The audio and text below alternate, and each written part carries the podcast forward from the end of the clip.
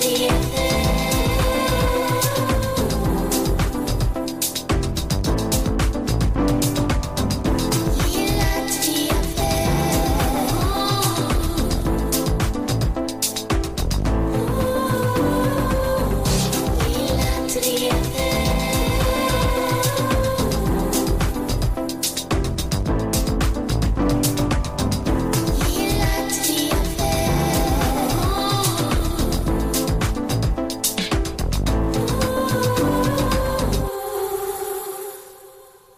Då säger vi välkomna till det 96 Lilla Drevet. Eh, Jag heter Ola, jag sitter här med Moa och Jonathan. Hej. Hejsan. Mojo Wow. kallar jag er. Bra. Det var faktiskt bra namn. Etiketten som ofta sätts på den här podden är politisk satir. Och jag har sett eh, under veckan på sociala, sociala internet eh, att eh, den, den populäraste satiren nu det är ett klipp av vår unga kollega Carl Stanley. Ja. Just det. Superviralt klipp. Han har Två gjort miljoner. två klick. miljoner klicks tror jag att det är, något sånt där.Lar. Eh, han har gjort eh, en grej där han driver med de som säger att Sverige är fullt. Och att eh, han går runt på stan och ropar Sverige är fullt, det är kollaps. Ja. Men det han filmar berättar en annan historia. Ja, det är inte fullt. Och där uppstår comedyn då. Mm. Och det här klippet är den hetaste satiren nu. Över, ja, men över två miljoner klick, det har jag hört. Oerhörd succé. Han har fått vara gäst i alla morgonsoffor och berätta om hur många klick han har fått. Två miljoner. Två miljoner. Är du glad för hans skull? Eh, ja, men jag är också lite eh, sådär eh, sporrad till att upprepa samma sak. Okej. Och eh, ja, men jag kanske är lite avundsjuk, men jag tycker ändå att man kan vända det till något positivt då. Mm. För jag vill att det här ska hända med Lilla Drevet också. Just det. Då tänker jag att det är bra att Moa är med i veckans Lilla Drevet. För att då har vi en 90-talist Yes. här. Då gäller det att jag säger något väldigt kärnfullt. Det är ni Nej, men det är väl att du ska göra något viralt. Ja, men viralt, då måste det vara liksom lätt att greppa det. Får inte vara för långt. Mm. Och så måste det klippas jättesnabbt. Eh, Moa fick ju typ tre gånger fick du Sveriges Radios sociala medietårta. Ja, det fick jag faktiskt. För den på Sveriges Radio som, Hade ni en sån? ja. Ja, precis. Och jag tror att Moa är den som har fått flest gånger. ja, jag det var ett väldigt ständigt viral. hyllande. Mm, det var nästan, gick Men nästan hur, hur fick man den tårtan? Genom att vara väldigt viral. Man gjorde typ en sån här, vad gjorde du för någonting? Du gjorde sån här, du tog... eh, Gjorde satire on the internet. Nej men det är så här, du tog, vad heter hon som var ihop med Reinfeldt? Filippa Reinfeldt. Filippa Reinfeldt och sen så...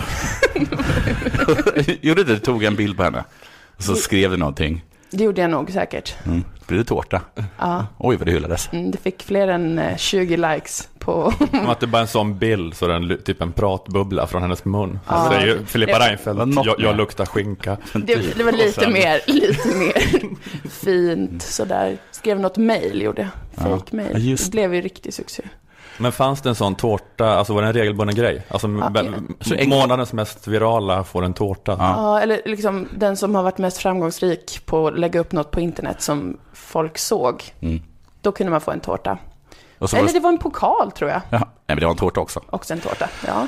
Så var det så här stort möte så hyllade alla eh, Moa. Så fick man lyssna på hur bra hon var. Det var mina glansdagar. Då brukar jag räcka upp handen och påminna om att hon har gjort ganska mycket dåligt också. Mm. Det glömmer man Det lätt. det är du skönt. Det är samma sak med Paul Stanley tror jag, att man glömmer att han har gjort jättemycket paja grejer. Carl Carl. Stanley, eller du kanske syftar på Kiss-gitarristen. Hans solokarriär var ingen vidare. Men, eh, men det var ju det är ju perfekt då att du hade den här statusen på Sveriges Radio och att du har fått sparken därifrån nu Mm. Yes. och att du är här då med dina eh, magiska, eh, liksom virala, Det är en viss press nu då. ditt virala sinnelag. Vad är det du ska prata om idag? Eh, Jag ska prata om medicinsk etik. Okej. Det kommer bli en klicker. Okej, okej. Ja, men jag vet för det är du Lita som har den här magiska intuitionen då, för att du är 90-talist. Så jag får Ja. helt enkelt lita på att, att det är det som krävs. Mm. Du ska prata om det här med hoppet, Jonathan, sa du. Ja, uppgivenheten. Uppgivenheten, motsatsen. Motsatsen. Precis.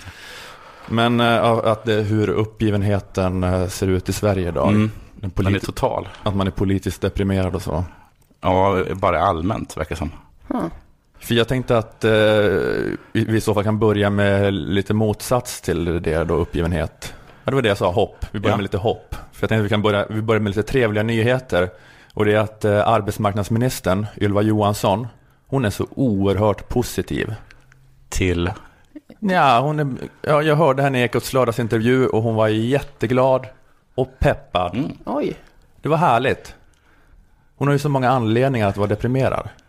Ja, det tänker man spontant. Hon bara sitter där och är sosse. Men, Du vet. Överallt skriker människor bu åt den. Man provar att öppna en dörr så bara bu, stänger den. Öppnar datorn, bu, smäller igen den. Mm. Så måste hela hennes liv vara, tänker jag. vad sa du att hon var igen? Hon är arbetsmarknadsminister. Mm. Alltså hennes jobb är då att uppfylla Stefan Löfvens gamla fyllelöfte om, om EUs lägsta arbetslöshet. Just det. Så hon ska så här, fixa arbetslösheten och utbildningen av alla unga och nyanlända och så vidare. Och jag känner- han det in, innan det kom 100 000 flyktingar? Eh, ja, det gjorde han. Ja. Gjorde han. Extra tungt. Ja, men löftet står ju kvar Ja. och eh, Ylva ska fixa det. Och jag känner ju att jag hade tagit livet av mig om jag hade haft Ylva Johanssons jobb. Oh, det är sant. Men du hade tagit livet av dig för ganska mycket saker. Mindre. Ja. Ja, men jag, jag, men jag är imponerad av henne, för att alltså, intervjuaren frågade henne, vill du inte ta livet av dig Ja. när du tänker på ditt jobb? Vilket program var det här? Ekots intervju, inte Ja. exakt i de orden, men man, om ni lyssnar på hur frågan ställs så är det det som är, är, är, det, hon, det, är det hon menar. Kan du se att det här är ett väldigt svårt uppdrag som, som kanske nästan är, ja, är väldigt svårt i alla fall? Nej, men vet du, så tycker jag inte alls faktiskt. Nej. Eh, nej, jag tycker inte att jag har ett jättesvårt uppdrag. Jag tycker att jag har ett roligt uppdrag. Eh, jag känner mig inte alls liksom eh, matt eller eh, handlingsförlamad av, av utmaningarna. De, eh, de triggar mig, jag tycker de är roliga och jag älskar att arbeta med de här ansvarsuppgifterna. Jag älskar att ha stort ansvar. Det, det, jag trivs med det. Hon blev obekväm, programledaren. Men det var väl så mycket positivitet. Kaskaden av glädje. Det är som att Kai Pollak knullat Mia Törnblom. Mm. Sitter, sitter, där, så sitter hon där i Ekos intervju. Härligt, inte alls matt eller handlingsförlamad. Nej. Det sa hon Hon har tydligt, aldrig jag är inte tanken. matt och inte handlingsförlamad. Jag har aldrig ens tänkt på att man skulle kunna vara det Nej. inför den här uppgiften. Eh, och det tycker jag, ja, men det är kanske de två sakerna jag hade tänkt, jag hade tänkt att man skulle vara då. Mm. Så jag tyckte det, det var skönt. Och jag menar, ja, utan att lägga någon värdering i regeringens politiska kurs, om det, de gör det bra eller dåligt, så tror jag att alla, så här, eh, oavsett eh, politisk färg, kan vara överens om att vad det här landet behöver, det är ju inte fler dysterkvistar Nej, det finns det jättemånga av. och surkartar som håller på och neggar. Jag vet inte varför jag tog upp det, jag bara blev glad av att en i regeringen är så här positiv. Ja. Vi behöver inte energitjuvar, tänkte jag.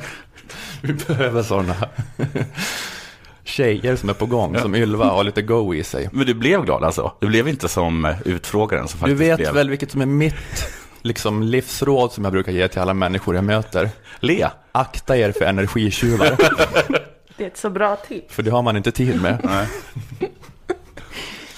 Ja, men hon var så himla positiv i den intervjun. Hon sa hela tiden så här, vi har löst ungdomsarbetslösheten. Vi har löst den.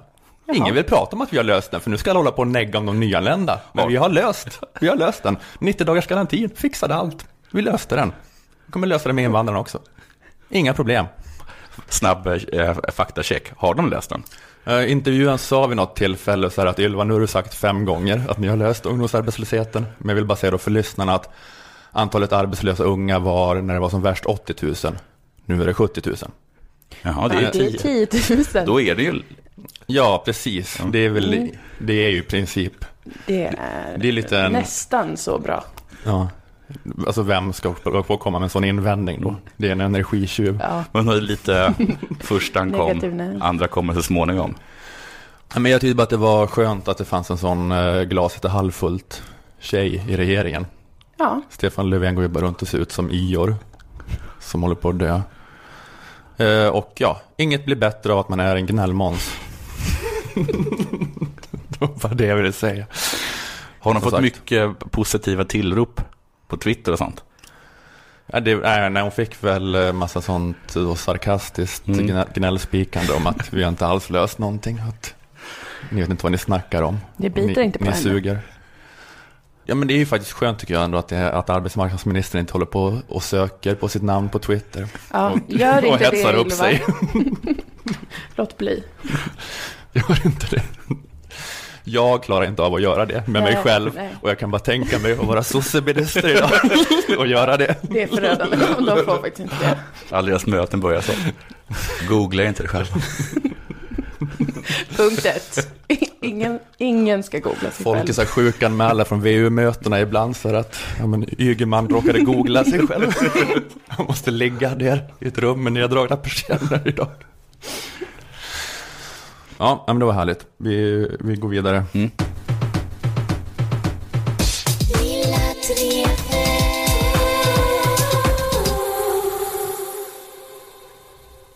Det var ju en superpositiv början som du inledde början med. Mm. Det- Upplyftande. Ja, det var jätteupplyftande och det var ju eh, trevligt och skönt. Själv så har jag googlat på, Dig själv. på mig själv. Nej, Jon. Jag är superglad. jag är tydligen toppen. Och sen så googlade jag på frasen det är bara skit med allt. Eh, Okej. Och då får man ett antal träffar. Hur många vet jag inte. För hur jag än stirrade på den här Google-sidan så kunde jag inte hitta antalet träffar. Har de tagit bort det? Alltså förr, när jag var ung, då var det hur lätt som helst. Antalet träffar stod tydligt redovisat både högst upp och som jag minns även längst ner på sidan. Ja. Numera eh, går det inte att hitta. Nej, det är sant. Ett problem är ifall det inte går att hitta längre så är ju det ett problem för alla lata journalister. Ja. Som man inleder ett reportage. Sådär. Ja, precis. Åsiktskorridoren får 75 000 träffar på Ja, Google. Ja. och det var lätt förr. Det är helt omöjligt nu.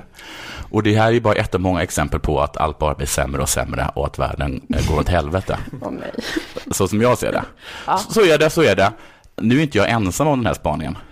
Att världen blir sämre och Nej. att allt är ett helvete. Nej. Precis, utan även eh, P1s Studio 1 har lagt märket till att det råder en dyster stämning i Sverige och världen. Och även du ju, i i början då. Du använder ju Ylva som en, som en precis. motpol. Men jag tror också att jag pratade lite om det här i förr, förra avsnittet kanske. Att, alltså den pratar jag nu ska tala om. Det gör ingenting att du Okej, inte lyssnar. Det blev jag. blev jag deppig igen. Studie 1 skickade ut en reporter på stan för att ta reda på om deras tes, alltså att allting var dåligt, eh, stämde. Och mycket riktigt så gjorde det det. Aj, aj, aj. Mannen på gatan svarade. Ja, ett antal random svenskar eh, frågades om hur de uppfattar samtiden och framtiden. Och fraser och ord som dessa nämndes. Det ser inte bra ut. Ett eländes elände överallt. Ekonomin kollapsar. Hat och rädsla. Våg av dåliga nyheter. Uppgivna vänner. Vi håller på att gå under. Grått och jävligt. Råkallt. Charmlöst. Skygglappar för att stå ut. Zika-viruset. Klimatfrågan. Ledsamt tråkigt. En äldre kvinna medgav att det alltid varit dåligt. Ja, Det var, det var bland det mest positiva. lite nyanserad. Ja, alltid varit hot, kärnvapenhot och jordens undergång. Men nu är allt så tokigt. Slutcitat. Eh, en äldre man påstod att säga att, att han inte hade en framtid. Nej, nej, just Det det. har han ju viss... Han har inte en Ja. lång framtid, har han inte. Och på frågan om hans barnbarn hade en framtid så håller han med om att det stämmer. Det har de i och för sig. De har en framtid. Men den ser inte ljus ut. Men är det så? Ja, men det är en- Frågade studie 1. Ja, precis. Ja, okej. Mm. Ja. För- Men en invändning är ju det här att det är, in, det är samma skit som alltid. Det är bara ett galet medieklimat, Ja, tänker man. precis. Det är lite det det, ska- det, det ska handla om. För är det verkligen så, eller är det, tror vi bara att det är så? Och Ingmarie eh, Wieselgren, eller något annat, på hur man uttalar det, som är psykiatrisamordnare på Sveriges kommuner och landsting, hon håller inte med. Alltså jag tror att vi aldrig haft det så bra som vi har idag. Tvärtom har vi aldrig haft det så bra. Okej, det kan aldrig vara ett mellanting. Utan antingen Nej. så är allt det bästa Nej, det är på eller topp. så är det värst. säger eh, Ingmarie. Det kanske är sant, det hon säger. Men eh, visst tycker man att hon låter lite galen. Jag, jag måste ha mer, Ja. mer av henne innan jag kan lägga en dom. Ja, Jag vill inte heller sjukförklara henne. Jag tror att hon har sant, för jag har för mig att Hans Rosling också har sagt det. Men jag tycker det låter som att hon är tokig. Hon menar att vi är inne i en ond spiral där vi bekräftar varandras uppfattningar om att allt går åt helvete. Eh, Och om någon bara liksom bryter den här onda cirkeln så kommer vi se ljusare på framtiden. Eh, Och det här är jättebra, att det är bra. Och att någon bör verkligen säga att det är bra. Precis som att Ylva sa. Problemet är att man bara då uppfattas som lite tokig. Vi har aldrig haft det så bra, fakta, men det låter som en lögn. Ja, gör det det? Ja, För att, eh, För att alla är så ledsna. För att det är, jag har, det verkar ju jättehemskt allting. Mm, det känns hemskt. Ja, men det är väl också hemskt? det är. Eller? Ja, mm. Men det är så för att vi bara tar in det negativa. Det är också klart, det här är som vanligt liksom. Lars Björklund, författare och kaplan, han säger att media bara rapporterar det ovanliga. Och att det då bör vara liksom positivt. Eftersom det rapporteras så mycket negativt så är det på grund av att det negativa är det ovanliga. Just det. Okej. Hade det varit ovanligt bra så hade de rapporterat det, menar Lars Björklund. Och sen så säger han så här, och det han snart säger, det är säkert sant, men lägg märke till vem han har fått faktan ifrån. Än så länge är det goda mer vanligt än det onda. Eh, Det sa Bob Hansson i Tankar för dagen igår. Och det är säkert sant. Synd bara att Bob Hansson sa det. Ja, Ja, det För då den- låter det inte som att man behöver bry sig om det. Nej, statistiskt sett så är väl inte poeter de som är, Nej, sitter på exakt den infon. det är fakta. Ja, det är... Tyvärr är det Bob Hansson som kommer med faktan.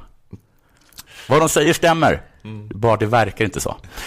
Ett annat problem med att se positivt eller bara se sanningen och inte låta sig luras av det negativa. Se sanningen för vad den är, sanningen är positiv, är, eh, är det här. Människor flyr från hela världen till Europa och drunknar i, i Medelhavet. Om du skulle försöka liksom beskriva det där på något annat sätt, går det? När du säger så där så låter det som alla drunknar. Och den berättelsen är ju inte sann. Och där är problemet. Man framstår lite som en röv. Det är ju faktiskt så att alla drunknar inte. Nej, Men att säga det, men han sa ju, det lät ju inte som att han sa det. Tyckte Vem? jag. Alltså intervjun, han sa människor. ja precis. Men så att du hörde den där killen, all, du sa alla. Ja, Det är han som är negativ då. han säger det också på slutet. Han, lys- han hör ju också negativt. Den personen som alltså är där för att säga att allting är positivt. Media överdriver. Alla drunknar inte. Men visst svänger det inte riktigt att sen säga att nej, men alla drunknar ju inte. Nej, Nej, det känns inte, Nej, det känns inte perfekt. hon tidigare, Ingmarie, hon säger också att det har varit färre förr. Och det är också sant, men det jammar dåligt att säga att ja, ja, ja, men fler drunknade förr. Det är ju sant, säkert, men ändå. Det är så himla svårt att vara positiv även när det är sant. För det låter så falskt. ja, men det är det här då med att nyheterna är negativa och det är positivt ändå. Ja, så kan man ju säga det. Att det är inte tjejer gick på festival. Blev inte tafsade på. Nej, det finns jättemånga bra liksom, argument för att det inte är så förfärligt. Och Lars eh, kommer med ytterligare ett jättebra argument. som Vi ska lyssna på här. Och då kan vi hitta massor med människor vid stränderna som tar emot de här frusna, kalla människorna med filtar, värme, dryck, omsorg. Och i detta möte tror jag det föds ett hopp. Och, och jag har ju en positiv tanke där att mängden hopp som föds vid den stranden är mer än mängden förtvivlan. Det är jättemånga som drunknar. Men lika uppgivna som de som drunknar är, lika hoppfulla är de som tar emot dem på stranden. Så summan av kardemumman är att det är mer, liksom mer hoppfullt än uppgivet. Just det. Det är sanning. Men visst låter det lite fittigt? Mm, faktiskt lite. Kan vi zooma ut bilden på den här Allan? Han, Se någon. helt bra som hem. man vill bara att Lars kommer dit och säga det här är en. Alla drunknar inte. Förr drunknade fler. Och lika olycklig som den person som just har drunknat är, lika lycklig är de som har tagit emot folk på stranden. Det är ju sant. Ja, det är sant verkligen. Men summan av kardemumman så har han rätt. Det är bara att det framstår som så oerhört rövigt. Och det är det som är problemet i en negativ värld, att föra fram positivitism. För det framstår som en douchebag. Ja, just det. Ja, ja precis. Att, Du tyckte att Ylva lät härlig. Många tyckte hon var en skit. Hon hade rätt, du hade rätt. Men ändå, ja. hur vågar hon sitta där och säga att hon har löst? Så du menar att folk eh, gillar energitjuvar mer? Jag, menar, jag tror det skulle vara politiskt självmord om Stefan Löfven gick ut och sa att allt är bra. Vi har aldrig haft det så här bra. Det var mycket värre förr. Det är den bästa tiden Ja, men jag tror att det ändå ska vara bättre. Alltså, folk gillar ju ändå alltså, motivationsföreläsare jättemycket och sådär. Alltså folk gillar väl alltså, folk som är peppiga och lobotomerat glada ändå. Och folk gillar ju en comeback. Så borde börja bygga på en historia om att nu börjar det bli bättre då.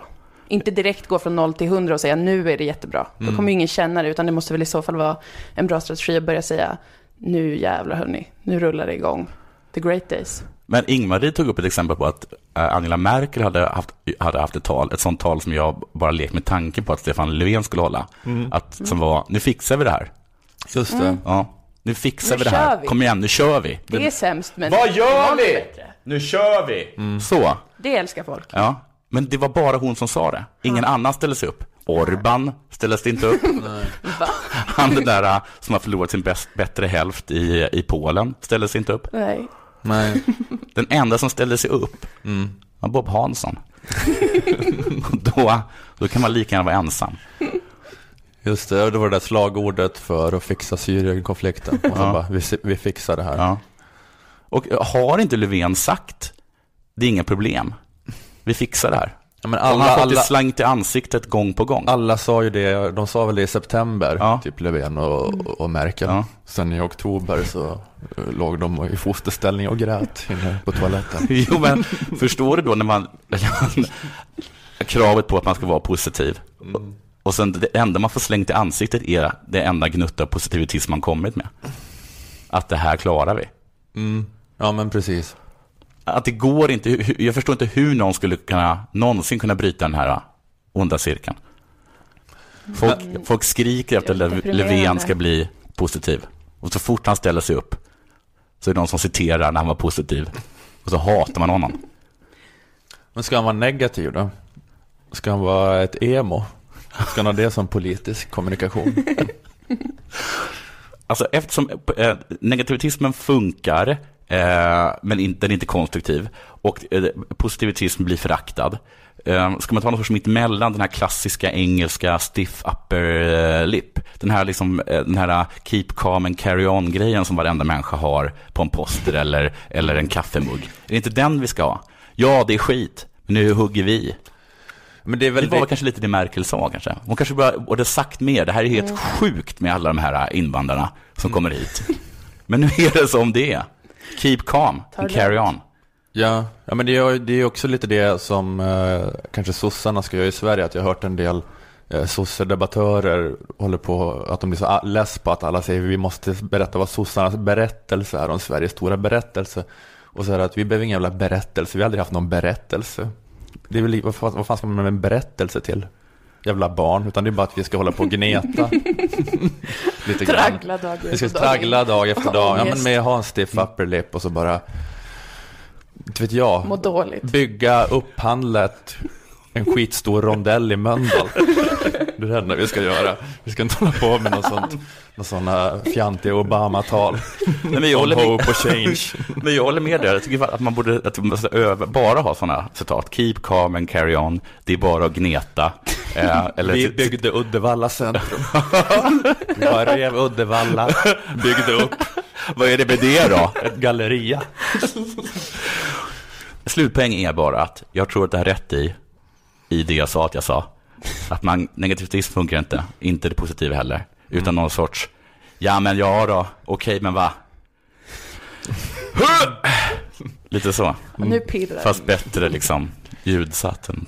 Men man, man ska skita i det där och få det att pirra hos folk. Utan Ja. så att, Nu är det dags att det, börja inte, jobba. det är jag, en jävla sosse, typ. Det är inte min uppgift att få det att pirra i dig. Det får du lösa själv. Googla något inspirerande tal. Och sen hugger vi tag i jobbet. Jag ska bygga en ishall. Jag ska lägga ner kommunalmusikskolan. Bygga en ishall åt hockeylaget. Om det löser något, vet jag inte. Upp ska den. Jag säger inte att det här är något så här politiskt projekt som kommer få dig att få en så bra känsla i magen. Men det- det här är den stora berättelsen som ger dig mening i tillvaron. Det, men det får du ordna på något annat sätt. För jag är bara en jävla sossemoderat som sitter här och, Men vad man ska och upphandlar badhus och ger kontraktet till någon kusin. Det ska vara någon bild på någon soc-moderat som säger då, nu ska vi bygga ishall och så kommer någon liten pojke. Men varför? Och så bara vänder han sig om och säger, ta upp spaden. Gräv. Här är Sverige. Det här i Sverige.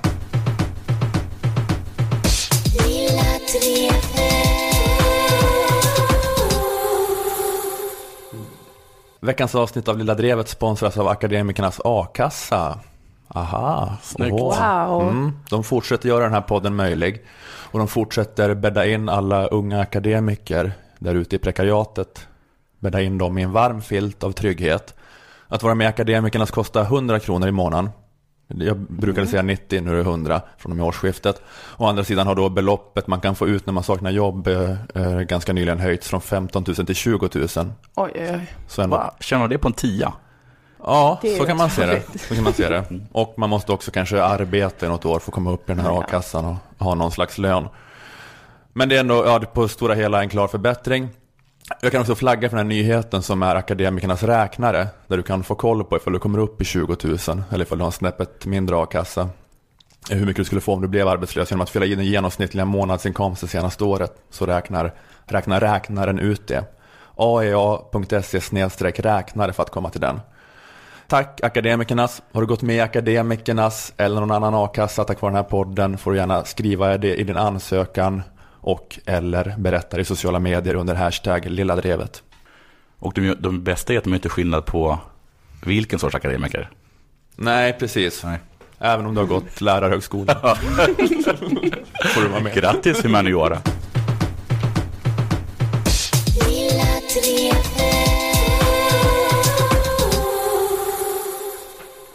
Ekot rapporterade nyligen att det gjorts en studie vid Karolinska institutet som visar att 46 procent av 600 tillfrågade läkare inte vill ge avancerad slash dyr, ibland betyder det samma sak, vård till rökare. Den här studien kom lite olämpligt kan man säga, för den kom ungefär samtidigt som SVTs Dokument inifrån granskade Karolinskas stjärnkirurg Paolo Macchiarini som opererat in petflaskor i halsen på folk så att de dör. Just det. Och KIs ledning hade försökt ja, men, tysta Gör det. det bästa av det. ja, de hade försökt tänka positivt, Mm. hade de gjort. Så att man kan säga att den här rökgrejen blev inte, blev inte riktigt lika uppmärksammad och viral som det här med kirurgen som Mm. badade en schampoflaska i cellsoppa och sen opererade in den i folks halsar. Det kan man säga att det här var medicinskandalernas eh, Farrah Fawcett. Jag vet inte den referensen. De dog skådespelerskan som dog samtidigt som Michael Jackson. Det var därför jag inte visste vad det var. Fick väldigt, fick väldigt små dödsrunor efter det. Så himla tråkigt för. Vad, vad, kan du säga, vad var statistiken igen? Hur många var det som inte ville ge dem vård? 46 procent, Ville inte ge. precis. Det tyckte jag. Det, det förvånar mig. Jag tror att det skulle vara fler. Alltså, Jag tror, inte- tror inte så gott om eh, läkare. Då skiljer vi oss åt, Jonathan. Tycker att läkare det är jordens noblaste människor. Men brukar inte läkare rätt ofta hålla på och röka och I alla fall förr i tiden. dricka mycket och ta mycket medicin och så? Jo. För att de så här vet att det inte är så jävla farligt. att de brukar vara mer så. Vi håller på och skrämmer folk mest bara. Sen unnar vi Man- oss en cigg. Men jag tror, att, Dricka under graviditeten. jag tror att och de är stenhårda på rökning. Ja, okej, för att det- för, det att, för att farligt. eh, då ska liksom all, all den här läkarspriten och att, de, att man kan ta 20 Alvedon om dagen. Eh, att den Ja. sanningen liksom blir undangömd då. I och med att de bara tjatar om rökning.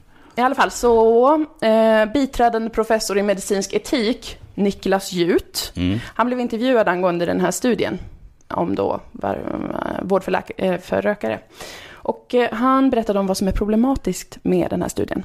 Studien, som omfattar 600 läkare och som är publicerad i BMC Medical Ethics, visar att 46 procent av allmänläkare ville neka just rökare dyr vård. Allmänläkarna hade där ungefär samma värderingar som allmänheten, vilket är problematiskt menar Niklas Jut. Det är problematiskt för att läkare verkar ha samma åsikter som allmänheten. Oh shit! Det här är, det här är en fruktansvärd mardröm. Nu ringer ju varningsklockorna. Ni kanske känner att det vackraste vi har i samhället, det är allmänhetens åsikter. Men det vet jag inte är det vackraste vi har i samhället, utan snarare tvärtom. Det är en riktig, riktig mardröm. Men det och med läkare, ifall de får reda på det här så borde de ju bli ledsna och kränkta för att de tycker väl att de är bättre än Ja, allmänheten. precis. Vi De har fått måste väl 2-0 snälla på högskoleprovet allihopa. Jag fick MVG i samma... idrott på gymnasiet. Boä, boä, boä. Ja, men visa det då. Så nu kommer de att ändra liksom åsikt bara av trots då. För Jag, att de inte vill jag vara som hoppas pöbeln. det. Jag hoppas verkligen det, för det här oroar mig något enormt. Det är inte bara för att jag är upprörd för att jag inte kan söka läkarprogrammet. För att jag fick IG i idrott. Det är inte därför, det hör inte till saken. Det är inte jag, att du rök, rökare alltså? Nej. För det gör du inte? Nej, jag är oroad av liksom samhälleliga skäl. Men jag fick också IG i idrott, men man fick räkna bort det. Ja, men det fick inte jag. Jag var den första generationen som inte fick räkna bort Jag det. fick MVG. Jag fick, Okej. jag, jag, fick, jag tror jag fick eh, betyg i idrott A, sen så idrott B var i trean på gymnasiet. Ja. Och då var jag aldrig där. För att jag var och rökte. alltså. Jag var, Makes you think. Jag var på ett café och rökte. Ja, jag, var ord, jag var ordförande i Österreals idrottsklubb. Nej, Jo, oj, oj, men oj. jag var en marionett. Var det någon som behövde en marionett? Ja, Falken, vår eh, vad heter det, gympalärare, ville bara ha någon godtrogen jävel som skrev under saker. Aha, Och det blev du. Men det du fick jag. MVG i alla fall. Ja, det, fick, Det alltså, det gick inte lottlöst. Nej. Jag, inte. jag undrar vad det är jag skrivit under.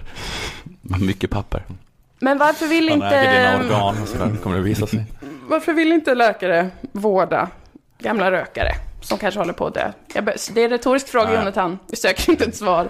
Eh, jag, det är svårt att förstå dem.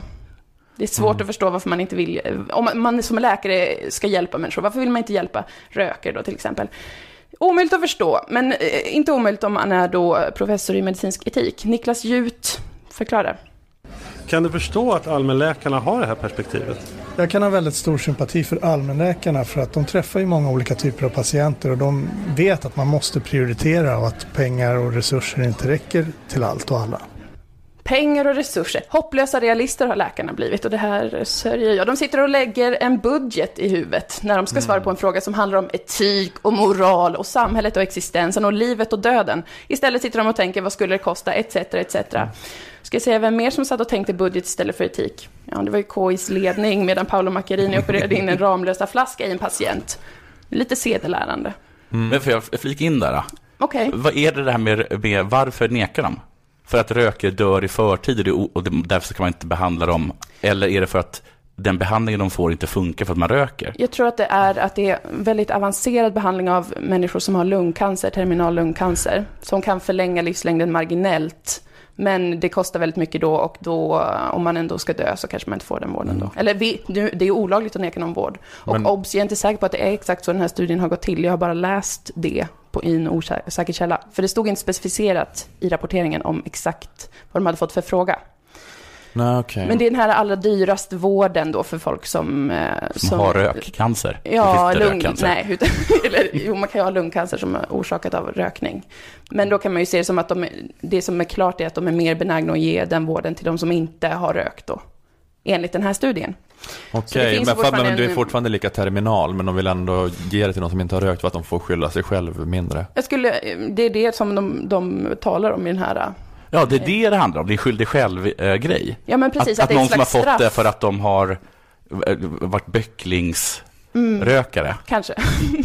Böcklingsrökare vet jag inte. Men ja.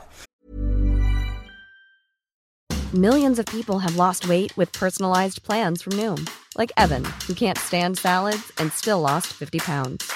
Salads, generally, for most people, are the easy button, right? For me, that wasn't an option. I never really was a salad guy. That's just not who I am. But Noom worked for me. Get your personalized plan today at Noom.com. Real Noom user compensated to provide their story.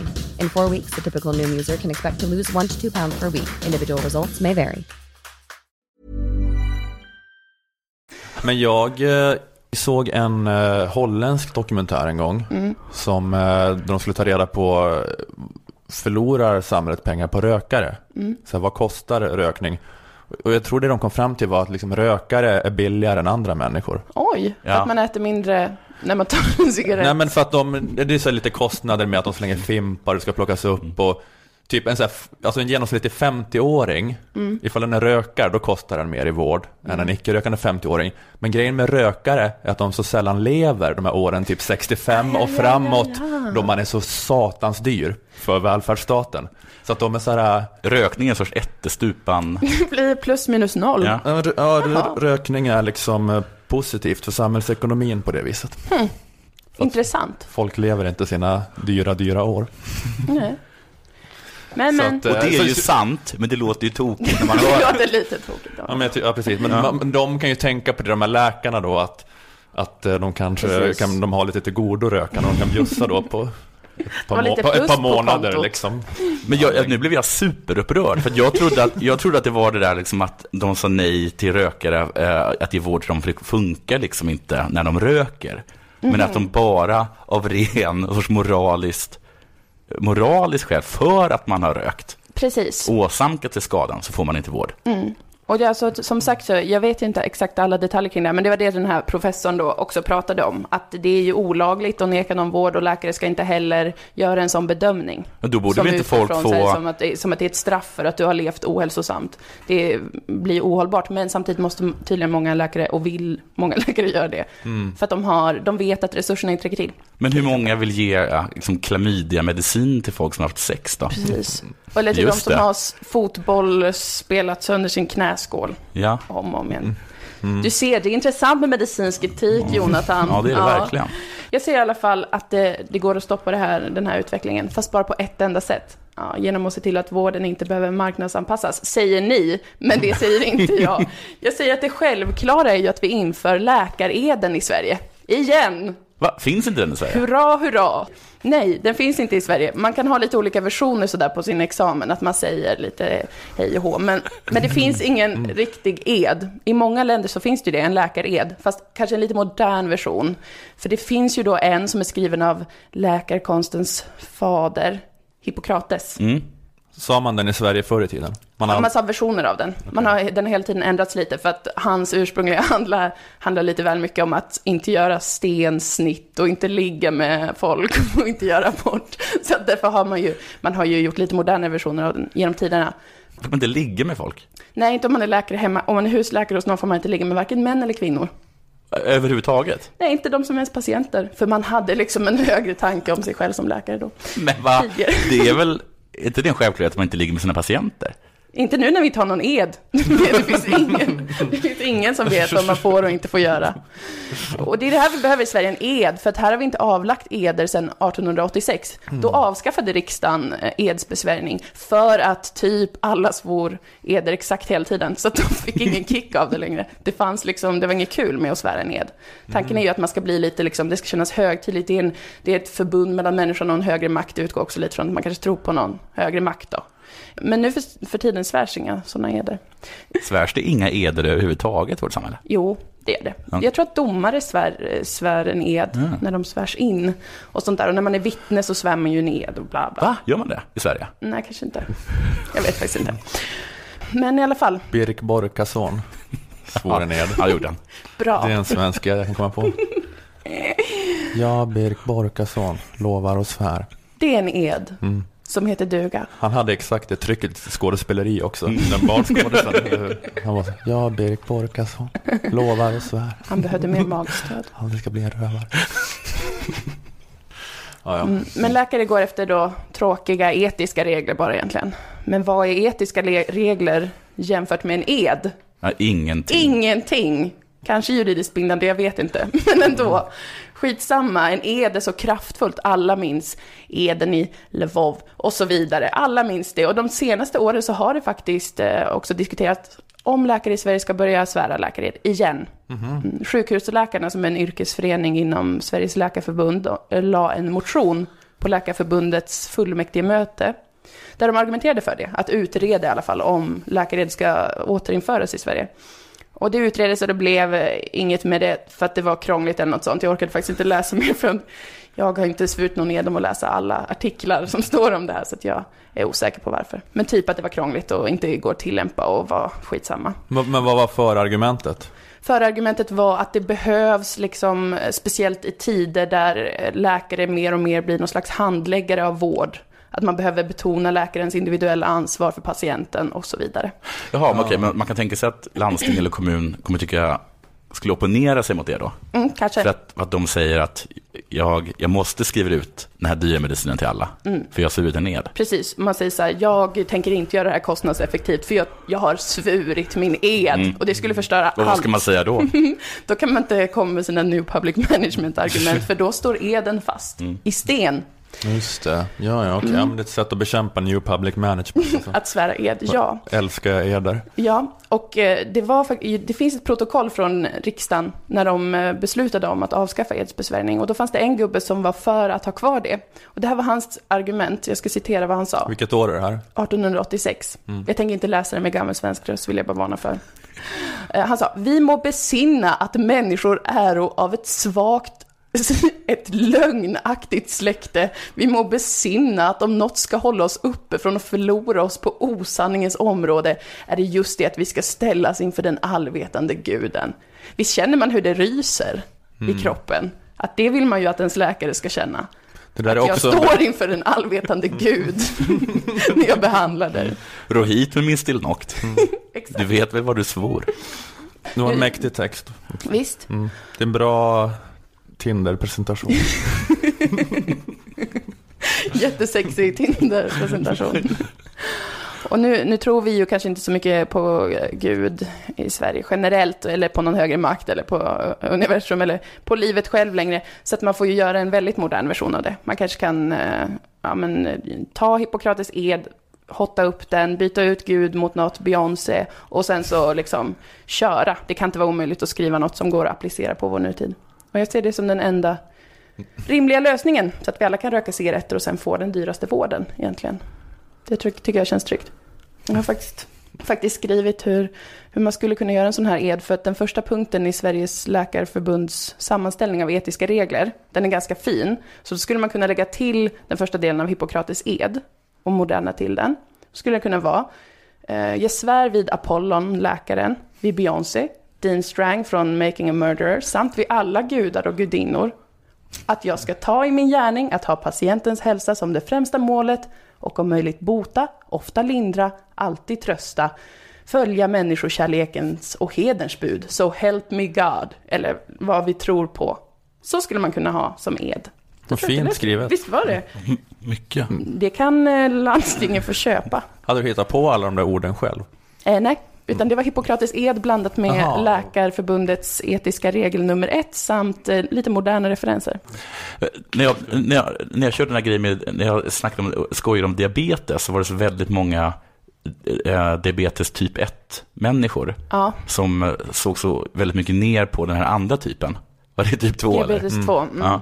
För, just för att de tyckte att de, liksom för, det var, de började man inte bry sig om, för de, Just det, det är de som har fått Man har åsamkat det eller sig själva. Ja, just det. Ja, det- för det, det var du skämtade typ om att sådana som har diabetes sådana som har levt eh, dåligt Ja. och ätit massa socker och, och så vidare. Och då blev de arga för att vi som har typ 1, vi har inte alls så liksom livsstilsorsakad Nej. diabetes. Fast då är de ändå, ja precis. Men varför ser ni ner på de här det är andra så himla då? mycket. Jag undrar om finns det... Någon finns borde ha det startat ett motdrev, du ska gå till motattack här. Ja. Det är inte jag. Nej. Alltså, det är ni som liksom, det värsta ni vet är tydligen att bli ihopklumpade med de här människorna. Stå inte, Det- stå inte ut och stå bredvid en tjockis. Men finns det två diabetesförbund? Det måste du väl göra då? Nej, kanske inte. Mm, jag hade ett möte med Diabetesförbundet en gång. Ja, var det, var det diabetes typ 1 eller typ 2-förbundet? Jag tror inte att det var preciserat. Nej. Men det var ju att de... eh, Verkar de lite jag-svaga. Då, då, dit igen Jonathan. och, dålig, och dålig på liksom Alltså, de vill- självkontroll. De vill ju sponsra... Smaskade det där, smaskade de, hörde man chips? Här har du det virala klippet. Det här kommer klippas ut.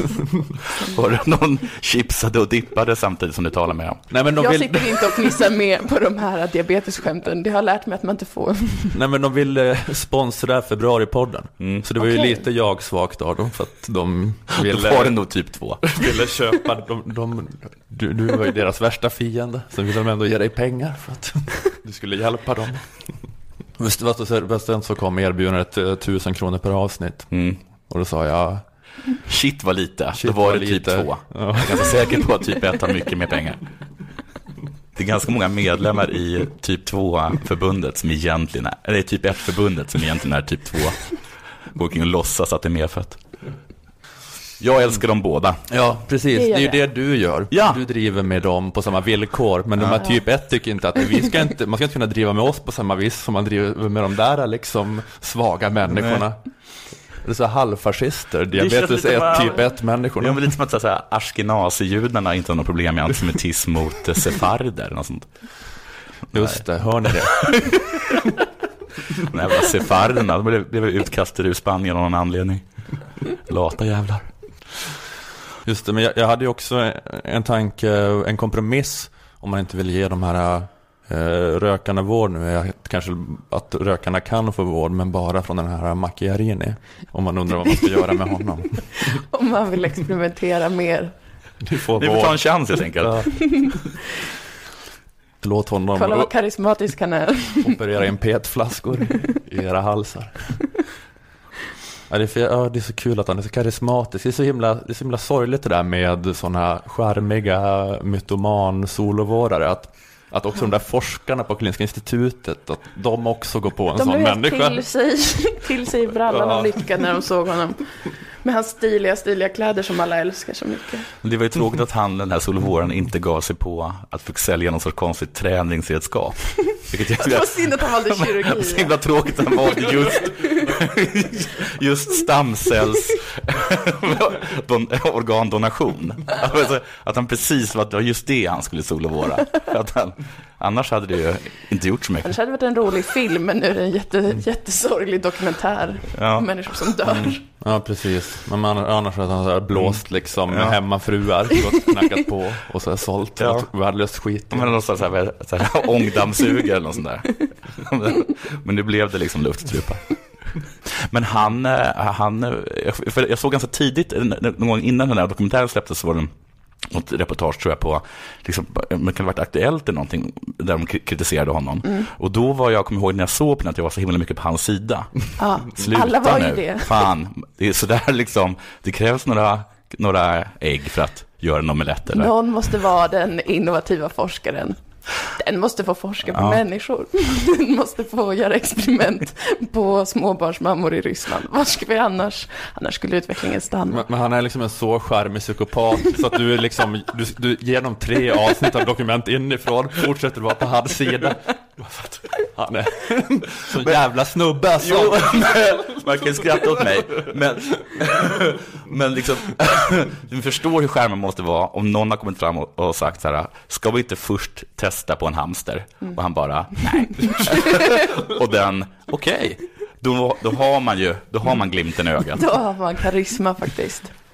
Han har också sagt att han har opererat alla i, eller att han är kirurg åt Clinton-familjen, Obamas, påven, med fler. Det var så han lurade den där Vanity Fair-reportern va? Precis, att som han han förlovade sig med. Och så att alla de skulle komma på deras bröllop. Och så sen så, Påven skulle viga dem. ja. Eh, och sen kom ingen och sen hade han en annan fru som han bodde med. Var det så den enda som kom var hans fru? Så satt och kollade, nu händer det igen. Men det är, verk, det är faktiskt, det är jävla att spötta bågen alltså i sin mytomani. Att det är så här, påven ska viga oss och Obama ska komma. Alltså det är inte... Det Han- man, han man, man tar inte i lite grann då, utan då verkligen maxar och ror det i land, Ja. uppenbarligen. Han har flugit nära solen länge, grabben. Fan vilken snubbe. Jävla härlig snubbe alltså. Jag kommer ihåg att det lät så himla bra. Ja men det Doppa, lät ju så pla- doppa bra. plast i stamceller. Varför hade ingen Kim eller tjom, bara sätter in den här. Vad är det att bråka om? Vi har ju jättemycket plast. Ta Varför bort vi den där. Sätta all plast i människor. Jag har inte tid med hamster. Jag måste börja rädda människor nu. Vi har haft all den här plasten framför oss. Varför har vi inte använt den först nu? Geni. Så han Harvard-professor som hade gjort en liten låda som det skulle ligga och bada i, den här Är plaststrupen som han sålde. som var en plastlåda med cell, eh, stamcellsoppa i. Vad heter han? Stefan Einon heter han ja. Han som har skrivit boken Konsten vara snäll och sånt där. Just det. Han hade någon sorts eh, debattartikel om, eh, som var Jag tänker inte dreva mot Karolinska institutet. För att han ville vara snäll. För, så, för som ni kommer ihåg så har jag skrivit den här boken Konsten att vara snäll. Och det vore väl inte så schysst? Nej, nej, nej. Jag är så himla bakbunden den här boken jag gav ut.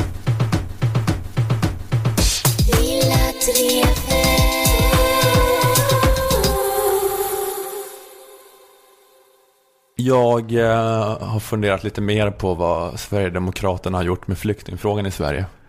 Ja. En till analys. Kom igen. De har lyft upp Spänn fast här. Yes. Eh, Jag pratade om det i våras någon gång i Lilla Drevet. Att eh, SD eventuellt i hemlighet eh, drivs av den antirasistiska stiftelsen Expo. Just det. För att SD så här, på ett sätt varit bra för dem som vill ha en generös flyktingpolitik i Sverige. För det SD åstadkom med sitt intåg i riksdagen var att de gjorde hela debatten moralistisk. Att de så gjorde att frågan om invandringen blev så här, alltså mer än vad den hade varit annars. En fråga om för eller emot rasism. Alltså kopplingen finns ju alltid där men det blev så tydligare när det var det här rasiststämplade avsändaren liksom. För att tidigare så här Moderaterna och sossarna, man kan hålla på med lite hyckleri, säga fina ord, kanske sen bara strypa invandring lite då och då, så här bara när så här, sh, sh, sh, trycka en kudde på den. Så, ja. Sh, Så ja, så, ja. ja. Men eh, SD skapade situationen att alla var tvungna att gå ut ur garderoben. Det blev så här politiskt mycket mer kostbart. Eh, För att varje skärpning av invandring så här, då blev en eftergift mot rasisterna. Så därför hade jag konspirationsteorin att det var MR-aktivister och Expo-agenter som var SD. För de ville att invandringsmotståndet skulle ha en så smutsig avsändare som möjligt. Att det skulle vara gamla vitmaktpartiet. Eh, Så är det ju inte. Det är inte Expo som driver SD. Jag bara tramsade. Va? Ja. Här. Återberättat lite när jag tramsade en gång i Lilla Drevet i våras. Eh, Men jag tänkte på det att det eh, på ett sätt har funnits en fördel eh, på grund av SD att den här moraliska dimensionen i frågan hela tiden är så närvarande. Om debatten om det då förs inom sossem-moderaterna så är det större risk att det bara försvinner i något så här teknokratiskt mummel. Att ja, ja, det är väl vad det är. De gör vad de måste göra, antar jag. Å andra sidan så är en negativ grej med hur SD påverkat människors attityd i flyktingfrågan, det är att de har gjort alla lite dumma i huvudet. För det är i och för sig bra med den här moraliska resningen, men å andra sidan så att man blir lite dum av att bara se en superkomplicerad politisk fråga som att den handlar om för eller emot godhet. Att jag tror att man, så lite, man har aldrig riktigt övat på att debattera frågan och sätta sig in i, i den riktigt, för man har, man har alltid bara kunnat hålla på och misstänkliggöra motivet till varför någonting sägs. Ja. Man, man kan ha kunnat säga att eh, så där säger du bara för att du är rasist. Vilket när SD är det, det ofta det har varit sant antagligen. Att det har varit därför. Men en sosse som säger det. Ja men det är så att alla sägningarna är ju inte rasistiska i sig. Nej. Även om man vet att personen bara säger det för att den är rasist. Jag vet motivet till varför du säger det här. Jag kan inte riktigt förklara varför det du säger är så rasistiskt. Men annat än att det beror på att det kommer från dig. Det är därför det är rasistiskt. Eh, och det är så här. Ja men det blir något problem med det. Att man så har pratat om att vi får inte köpa SDs problembeskrivning och verklighetsbeskrivning. Eh, och det stämmer så här på många sätt. Men på, så här, på en ganska central punkt har ju SD bara hållit på att säga eh, det som är egentligen alla partiers verklighetsbeskrivning. Nämligen att, då att vi ska ha en reglerad invandring. Att det bästa är om jättemånga människor som vill komma hit inte får komma hit. Det är ju också Socialdemokraternas, det är till och med Vänsterpartiets eh, uppfattning. Ja, alla har den ja. Alla har den. Men man har försökt så här låtsas då som att det bara är SDs problembeskrivning. Och det har gjort att man ändå kanske framstått lite som idioter i debatten. Att Göran Greider och sådana framstår inte som genier och som jätteintellektuellt stringenta när man först har sagt att det är att fiska i bruna vatten, att någonsin prata om volymer när det gäller flyktingar. Sen när flyktingarna blir fler, då säger man okej, vi måste prata om volymer. Det är inte så här klockrent, stringent, konsekvent, intellektuellt arbete Ja. man har svarat för då. Och återigen, man vet ju varför SD-människor har pratat om volymer. Man vet motiven till att de har gjort det. Ja. De gör det även ett år när det kommer tusen pers. Ja, men volymer i sig låter för mycket. Gör inte det? Ja, en volym av något är inte lite. Nej. Nej, rätt mycket. Vill du ha en volym? Nej tack. Precis, men det går ändå inte riktigt att argumentera på ett vettigt sätt om varför det är rasism att någonsin prata om volymer. Även om man vet att det är rasism när vissa gör det. Så det är nog lite svårt argumentationstekniskt att göra det. Men, men vad har, när de har sagt sådär, vi kan inte ta in alla, vad har eh, de här tokiga antirasisterna sagt då? Ja, men det kan, För de, har, de, här, de har säkert sagt, de har säkert sagt om att vi, ja, de har säkert sagt att vi är för en reglerad invandring, men, de men man har kanske sagt så här liksom att vi ska inte prata liksom om eh, människor som volymer och sådär. Vi ska Nej, men aldrig om vi, någonsin göra men det. om vi gör det nu, Mm. vad gör vi då? Men nu är ju proppen ur. Nu säger ju Göran Greider volym, volym, volym hela tiden. men men, det, det, men det, är ju, det har ju ändå funnits någon konsekvens. Det är som att alla de här eh, konservativa tyckarna får ju in lite frislag som det är just nu. Det är ju lite den stämningen Det på, på vänstern och liberalerna. Så att, jaha, är det volymnazisterna på Aftonbladets ledarsida som är igång nu igen och säger volym? De har ju kunnat hålla på att få in de frislagen nu. För att det, det har inte varit helt konsekvent. Varför slår du dig själv? Nej, men jag, jag kände själv att jag eh, inte har kunnat någonting om flyktingfrågan. Och det är lite, tänker jag kanske för att diskussionen har varit så enkel då, på en så enkel nivå. Vad är det att eller, kunna? eller så är det bara mitt fel. Ja, men det, det var så på riktigt Hans Roslings jävla bebisföreläsningar där i höstas. Det var första gången jag hörde talas om transportörsansvar. Ja. Det kanske säger mer om mig. Nej, jag hade inte heller det faktiskt innan nu. Vilken frukt eh, symboliserade transportöransvar? Det var nog en stor, det var en melon eller något Ah, sånt där. Nej men jag har bara tänkt så här att det kommer hit, de som kommer hit, behöver komma hit, kommer hit, flyktingar, de får asyl och det är bra. Ja. Det är bra, det, det är godhet. Men sen får man veta, jaha, anledningen till att vi då kan upprätthålla asylrätten, det är att vi gör det skitsvårt för dem att ta sig hit. Mm. För att vi vill egentligen inte att alla ska komma hit. Och då är det så här, jaha, är det vårt fel då att de kanske drunknar för att vi lockar utan att erbjuda en väg? Eller ska man, vad ska man göra då? Ska man så här, avskaffa asylrätten och ha typ tiodubbla antalet kvotflykten istället? Kanske? Så de kan ta, i sig, ta, ta sig hit tryggt och att det inte blir så stor övervikt på starka män med pengar. Eller kommer det, liksom led, kommer det leda till oanade sjuka konsekvenser att ta bort asylrätten? Det gör det säkert. Men jag menar, jag menar bara att det är så här förvirrande. Egentligen, det är mer förvirrande. Exakt vad är godhet och ondska i den här frågan? Det är lite mer förvirrande. Men Sverige har varit någon sorts diktis. Vadå? Som, som lugnt har kunnat lova det ena och det andra. Eftersom den vet att det Att finns Turkiet ett, kyskhetsbälte Turkiet i vägen. Ja, men det är ju ett sätt att se på saken Ja. som är jobbigt komplicerande att se på det. Det är Ja. skönare att bara se det som godhet och ondhet. Ja, Men jag är lite rädd att eftersom att det är mer otydligt nu så loggar alla ut från debatten. Ja, att ingen, ingen vågar säga något. Ja, men när man inte kan ha den här fixeringen vid SD längre. Nej. Att, det, att, att vi är alverna och de är orcherna. Att vi inte får jobba med den tydligheten längre. För att nu är frågan fast i det här sosse-moderat-sörjan. Nu är det teknokratexperter som fattar beslut och då orkar folk inte peppa igång. För att, eh, ja nu är ändå fuck SD-slaget är över. Vi förlorade. Skitsamma vad Men de man kan- fattar för konstiga beslut. Men man kan liksom ge järnet mot orcherna. Ja. Men det är svårt att ge järnet för en, för en kanske högre satt volymgräns. Alltså nu ska jag ut och, och liksom demonstrera för att vi ska ta in 50 000. Ja, men det är också det att det bara är att eh, orcherna och SD har det här starka symbolvärdet för oss, att vi reagerar så här moraliskt och reser ragg. Eh, För jag tänkte, jag tänkte att det vore bra om någon bryr sig även efter att fuck SD-peppen har falnat. Ja. Att folk bryr sig om faktisk flyktingpolitik och inte bara bryr sig om, eh, om eh, fuck SD. Eh, För att vi har passerat det stadiet nu lite efter höstens omsvängning. För att det är så väldigt eh, speciella förslag som har lagts av regeringen. Jag hörde Arenas podcast Människor och migration eh, om eh, det här paketet med förslag som presenterades när, när Romson grät på presskonferensen. Eh, och det är till exempel slut på familjeåterförening Okej. i väldigt stor utsträckning. Alltså typ 60% kommer inte få det alls. Eh, alltså vanliga människor som kommer från Syrien, alla från Syrien får uppehållstillstånd. Men det är bara de som har så här speciell flykting, individuell flyktingstatus som kommer få familjeåterförening nu. Mm. Och de eh, kommer få det på ett jättekrångligt sätt. De måste visa massa försörjningsbevis så att de kan försörja sig själva eller sin familj. Och 60% som har då allmän flyktingstatus kommer inte få det alls. Men det är ett sätt liksom för att eh, avskräcka folk att komma hit. Ja, ja precis. Ni får komma hit om ni lyckas ta er hit. Inga ni känner får komma. Nej, precis. Ingen ni känner komma. Lämna familjen. Ja, det, är, ju- det, är, det, är också, ja, men det är också en grej att man tidigare kanske man har åkt den starkaste mannen med alla släktens resurser Ja. själv så får man ta hit de andra. nu är det så incitament att ta med sig barnen på den här jävla gummiflotten Mm. över, eh, över Medelhavet.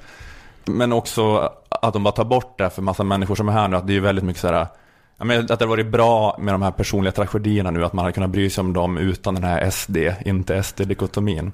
Mm. Eh, att det skulle, vore bra om det fanns ett sätt på något vis för människor, en opinion att engagera sig i de här frågorna utan att vara för eller emot SD. Men jag vet inte om det går. Man Men jag- måste ha orcherna. Men jag lanserade den här tidningen att man är tvungen att ha familjeåterförening, annars blir alla våldtäktsmän. Just det, just det. Mm. Mm. Ja, Och då sa du att det var rasistiskt, men det spelade ingen roll för att det var bra. Mm, exakt, det var ett rasistiskt... Rasistiskt drivet steg framåt. Det är ett rasistiskt argument för en feministisk utrikespolitik. Ja, precis. Så det kan man ju säga att det har vi ju vi eh, sagt att vi ska ha i Ja. Sverige. Och då Just kan man ju fråga sig att nu har vi liksom 70-30 till mäns 70% män som har kommit Ja. kanske senaste året. Och, det, och, det, och, då så här, och det nu med att stoppa den här då familjeåterföreningen så kommer vi ju liksom befästa den. Det är ratiot och det kan man undra vad- är det som är så feministiskt med det? Ja, och precis Feminism ska ju vara att man hjälper tjejer Ja. och är snäll mot tjejer. Jo. men, men du menar liksom att nu hjälper det tjejer? Precis som du menar att Sverigedemokraterna borde driva en liksom, hårdare miljöpolitik. Mm. Inte för att de bryr sig om miljön, utan för att de tycker så himla illa om muslimer. Ja, just det, Sverige, ja precis, för att eh, man kan se Syrien som en klimatkonflikt och sådär. Att, ja, att Björn Söder borde kedja fast sig på Bromma flygplats egentligen. Va- Varenda, varenda flyg som, som startar och landar är, är, är, ty, är tio muslimer som kommer hit. Jo, ja, men, man fattar ju också så här att, eh, så, alltså grejen är ju att man vill göra det här för att avskräcka. Mm. Det är väl ingen som tror att det är bra för integrationen att folk kommer hit och inte får vara med sin familj eller sådär. Det är bara att man, det här ska avskräcka framöver, att det bara ska komma hit färre folk. Och då kan man ju göra den analysen, så här, oj, Sverige har tagit så oproportionerligt stort ansvar, vi måste ha någon slags, eh, då, måste minska volymerna. Eh, men jag menar, även om man har, eh, jag menar, även om det är det man vill göra så tycker jag att då borde bara det gälla framgent på något sätt. Att okej, nu har vi skickat ut den här signalen då, då vet de kanske om det i alla fall. Men nu är det så många eh, som är här som är blåsta av Sverige. Alltså de kom ju hit liksom på grund av den förra signalpolitiken. Att de skulle få återförenas. Ja, precis, det och så är det så här, nu är det så här, fuck you, du ska aldrig få träffa din familj igen. Nej, precis. Det är det som man har, så här, det som man har tyckt att eh, Da- Danmark har varit så avskyvärda med. Alltså att föra ut sin signalpolitik på arabiska till de medier som de människorna som flyr läser. De har ändå varit, eh, de har ändå gett dem en chans. Ja, precis. Att nu, för att alltså den här nya regeln eh, började ju gälla från och med den 24 november. Eh, då de hade den här presskonferensen. Exakt så. Nu presenterar ju förslaget, eller alltså det här är fortfarande ett förslag, det ska gå igenom riksdagen. Men tanken är ifall det här går igenom riksdagen, regeringens förslag, så kommer liksom alla som kom efter 24 november, de kommer inte få någon familjeåterförening. Alltså exakt när Åsa Romson började lipa, det var då det började gälla. No familjeåterförening. Och jag kan känna att det blir så svårt för folk som alltså kom veckan efter. De hade ju inte koll på den här presskonferensen. Man borde ju åtminstone ha någon slags, tänker jag, karens på några månader. Att de, även om ni nu vill ha den här då hårda signalpolitiken, man borde ha några månader utav eh, familjeåterföreningsamnesti. Alltså för folk som börjar liksom paddla på en gummiflotte. Sen så, oj, vi, vi fick, jag fick inte in på min Vad? smartphone att Åsa Romson har gråtit. Att det var nya regler. Att det var då som var startskottet för nya reglerna. Men alltså, för det är det så att inte ens vi vet om det, så kan jag liksom tänka mig att, att vetskapen om det i Homs och Aleppo är superlåg. Ja men precis, ja, men jag, jag tänker att de, man, att de kunde åtminstone fått några månader på sig i alla fall. Så här. När anser du att det inte längre går att bortförklara att man inte har sett presskonferensen där Åsa Romson börjar gråta? Alltså när börjar det bli så här, åh jo, hur har du kunnat missa den? Nu spelar du dummare. Du visste mycket väl att du inte skulle få hit din familj. Det var en viral- Alla, alla Niklas Svensson har twittrat om. Det var en viral succé som någon gång under de här sex månaderna borde ha nått dig, Facebookflödet. Ja, men det är det jag tänkte att det hade varit bra om det nu trots att den här då SD inte SD-dikotomin att den lite död, att det finns en opinion som kanske skulle vilja bryta ut vissa delar ur det här förslagspaketet och säga att vi kan väl ha en liten period i alla fall för människor då som inte haft koll på Niklas Svenssons Twitter, liksom månaderna efter att Åsa Romson grät att de kanske kan få, åtminstone i det minsta, att de kan få familjeåterförening i alla fall. För de åkte ändå hit och då hade hört om familjeåterförening. Och sen så, ja, Men- var, inte med på den här gråtvändningen. Vad heter det? Å- Åldersbestämning, heter det? Ja, Eller, det, men det, ska kallas ål, åldersgissning. men det, ska, det är väl det ungefär? men men att man tar någon prov på skelettet eller Men så. det- Ja, men, också, men jag tror också det är lite så att de frågar eh, vad tyckte du om Shrek 3 då? Ja, den, den såg inte jag för då var jag för gammal. Okej. Alltså, att, jag jag menar att det är liksom, att de ställ, ja, men jag tror att det är lite, som lite luddigt. Att de, att de kommer ha liksom två sådana förhör. Alltså ett, är det rimligt att du är ett ensamkommande flyktingbarn? Två, är det rimligt att du har lyckats undvika eh, Åsa Romsons gråt eh, presskonferens? Man får komma på några kluriga frågor.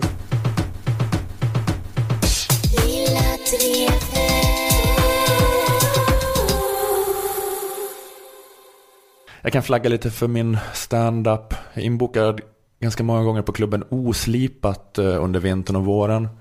Oslipat Landskrona 18 februari. Oslipat Uppsala 2 mars. Sen Stockholm 3 mars. Malmö 23 mars. Stockholm igen 21 april. Jönköping 22 april. Sen Oslipat Malmö klimatspecial 21 maj. Och eh, ja, man kan kolla på oslipat.com och hitta biljetter på Biletto och sånt där. Jag vet inte vad mer. Lite andra gig här och där. Göteborg kan jag nämna. 10 mars. Ståuppklubben på eh, ett ställe som heter Henriksberg i Göteborg. Jag tror det är ståuppklubben.com som deras hemsida. 10 mars i Göteborg. Okej. Jonathan. Nej, men Jag ska på två turnéer i, i, i mars. Först Tour de la Sport. Kan gå in på vår, eh, vår Facebook-sida och kolla datum och sånt. Och sen också eh, ut med eh, Sämst på turné. Det finns också en eh, Facebook-sida med all information. Ja, det var roligt. Ja, skoj. Ja. Eh, tack så mycket Moa Lundqvist, Jonathan Unge. Jag heter Ola Söderholm. Tack till Aftonbladet Kultur och Akademikernas A-kassa. Okej, det var allt för den här veckan. Vi eh, hörs nästa vecka. Det gör vi. Hej då. Hej då. Hej.